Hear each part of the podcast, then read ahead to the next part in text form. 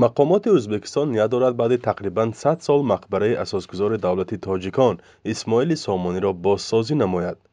کارمندان مرکزهای حفظ یادگاریهای تاریخی می‌گویند بعد نو شدن پریزیدنت در سال 2016 اندک نمودی ظاهری آن را رنگ و بار کردند. همکنون بازسازی کلی در نظر گرفته شده است.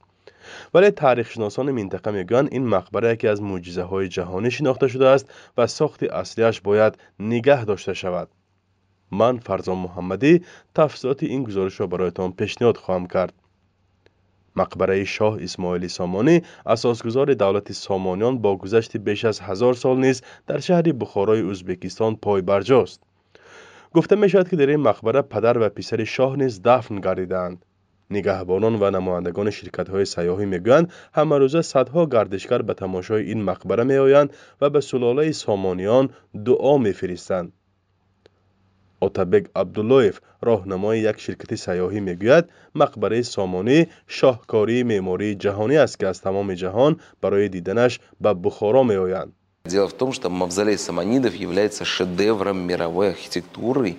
мақбараи сомонӣ шоҳкории меъмории ҷаҳонӣ аст ва албатта донишмандону сайёҳон аз тамоми ҷаҳон барои дидани он ба бухоро меоянд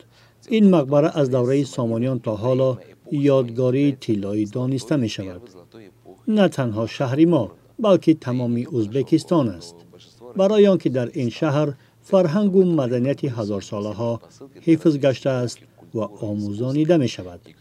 از دیگر جهت این مقبره یکی از هشت معجزه جهانی اعتراف گردیده است.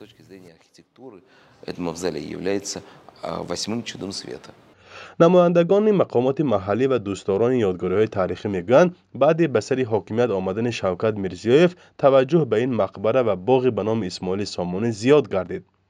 از این سبب حکومت شهر بخارا نقشه بازسازی آن را به دست گرفته است. فریده نگهبان مقبره اسماعیل سامانه می‌گوید این مکان تاریخی بار اخیر سالهای 1937 1939 تعمیر شده است. همصحبت ما افزود. 1937-39 это почти сто лет.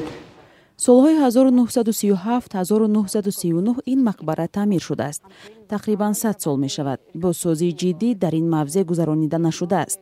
Ва мо мегӯянд ки бояд рӯзҳои наздик таъмири куллӣ гардад зеро хиштҳои мақбара бо таъсири намак хароб шуда истодааст почва солёная вот тут сделали вентиляцию и соль уже автоматически упала در بخارا بیشتر از 800 یادگاری تاریخی و باستانی قرار دارد و مقامات ازبکستان از نصف زیادی آن را بازسازی دارند.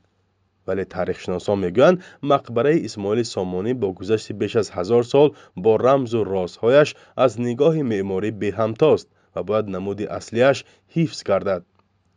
раҳмат ғаниев таърихшиноси тоҷики муқими бухоро ба радиои озодӣ гуфт дар вақти бозсозӣ бояд бо олимон машварат шавад то роҳҳои ба ояндагон чӣ гуна намоди қадимияшро расондан пайдо кунанд таваккал чориев вакили парлумони ӯзбекистон ва олими забоншинос ҳам гуфт ҳукумат барои таъмири мақбараи исмоили сомонӣ маблағ ҷудо кардааст аммо чориев нагуфт ки чӣ қадар маблағ ҷудо шудааст ва таъмири мақбара кай оғоз мешавад баъди соҳибистиқлолии тоҷикистон шоҳ исмоили сомонӣ асосгузори давлати тоҷикон эълон гардид ва акси мақбараашро дар пули миллӣ низ ҷой доданд. Дар шаҳри душанбе ва тақрибан ҳамаи шаҳру ноҳияҳои тоҷикистон пайкара ва боғҳои исмоили сомонӣ низ бунёд гардид. Шаҳрҳои бостонии бухорову самарқанд таърихан аз минтақаҳои аслии тоҷикнишин шинохта мешаванд ساکنان بخارا می‌گویند با کشاده شدن مرزها با همزبانان خود نزدیکتر شدند حالا آنها در روحیه همجواری و دوستی در این همسایه کشور تاجیکستان عمر به سر می‌برند و به مستحکم شدن رابطه ها امید دارند. بنا بر آمار رسمی در نواحی ولایت بخارا بیشتر از سی هزار تاجیکان به قید گرفته شدند اما این رقم همیشه زیر سوال برده می شود و امیدواری هست که روز آمار واقعی معلوم خواهد گشت.